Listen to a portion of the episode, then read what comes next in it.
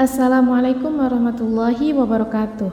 Selamat pagi, selamat siang, selamat sore, dan selamat malam semuanya. Gimana nih kabarnya? Semoga kasih sayang Allah senantiasa hadir dalam kehidupan teman-teman, sehingga teman-teman selalu sehat dan bahagia. Amin.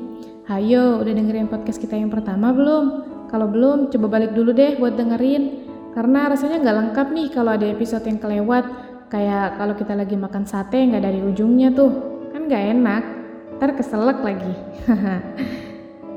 nah, teman-teman, kira-kira kenapa sih kita diciptakan di muka bumi?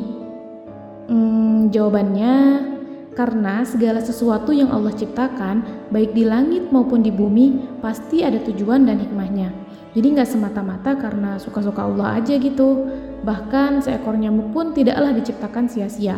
Karena Allah Ta'ala berfirman dalam surat Al-Mu'minun ayat 115 yang artinya Maka apakah kamu mengira bahwa sesungguhnya kami menciptakan kamu secara main-main saja dan bahwa kamu tidak akan dikembalikan kepada kami?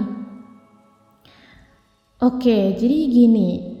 Gampangnya kita tanya dulu kali ya, apa sih tujuan hidup teman-teman?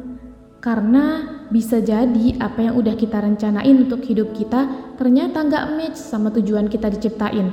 Misalnya nih, teman-teman bikin suatu karya dengan harapan karyanya bisa bermanfaat, tapi sebaliknya karya tersebut malah nggak bermanfaat sama sekali.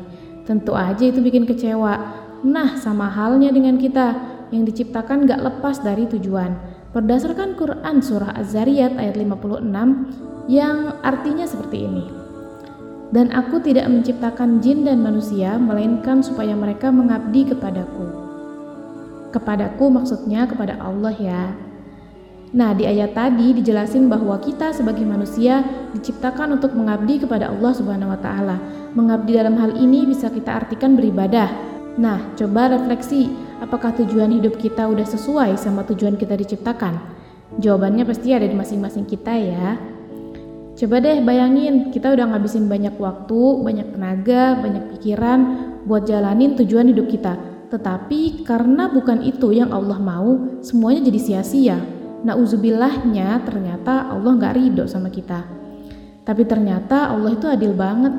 Ada banyak sekali ruang untuk beribadah dan ibadah nggak sesempit yang kita kira. Ini bisa kita lihat dari definisi ibadah yang disampaikan oleh Syekhul Islam Ibnu Taimiyah rahimahullah taala dalam kitab Al-Ubudiyah halaman 44 yang artinya seperti ini. Ibadah adalah suatu istilah yang mencakup semua yang Allah cintai dan Allah ridhoi, baik ucapan atau perbuatan yang lahir yaitu yang tampak dan bisa dilihat maupun yang batin yang tidak tampak dan tidak bisa dilihat. Mungkin teman-teman juga udah tahu bahwa ibadah digolongin dalam dua jenis, yaitu ibadah mahdoh dan ibadah ghairu mahdoh. Ibadah mahdoh contohnya sholat, puasa, zakat, dan sebagainya yang udah diperintahin dalam Al-Quran. Nah, kalau ibadah ghairu mahdoh itu lebih sederhana. Contohnya, kegiatan sehari-hari kita bisa bernilai ibadah asalkan diniatkan untuk meraih ridho Allah. Oleh karena itu, marilah kita buat aktivitas di dunia ini bernilai ibadah dan sesuai dengan tujuan kita diciptakan. Dengan catatan, jangan pernah melalaikan ibadah mahdoh kita dan tujuannya harus lurus, yaitu meraih ridha Allah Subhanahu wa taala. Kemudian, agar setiap aktivitas manusia bernilai ibadah, maka Allah menjadikan manusia sebagai pemimpin di muka bumi atau khalifah fil ard sesuai firman-Nya dalam Quran surah Al-Baqarah ayat 30. Yang artinya, ingatlah ketika Tuhan berfirman kepada para malaikat, sesungguhnya aku hendak menjadikan seorang khalifah di muka bumi.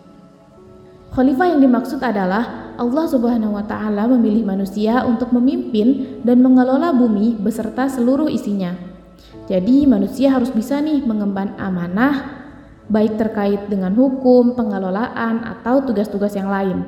Jadi tugas ini tidak diberikan kepada makhluk ciptaan Allah yang lain, baik itu langit, bumi, matahari maupun hewan, karena manusia merupakan makhluk terbaik yang mampu mengemban tugas ini. Dengan dua tujuan ini, maka jelas bahwa kehidupan kita di dunia sejatinya hanyalah bercocok tanam dan akhirat adalah tempat memetik hasilnya. Nah, itu tadi adalah sedikit refleksi tentang tujuan Allah menciptakan manusia di muka bumi. Jadi, sekali lagi kita ingat bahwa tujuan kita di bumi ini adalah untuk beribadah dan juga untuk menjadi khalifah di dunia.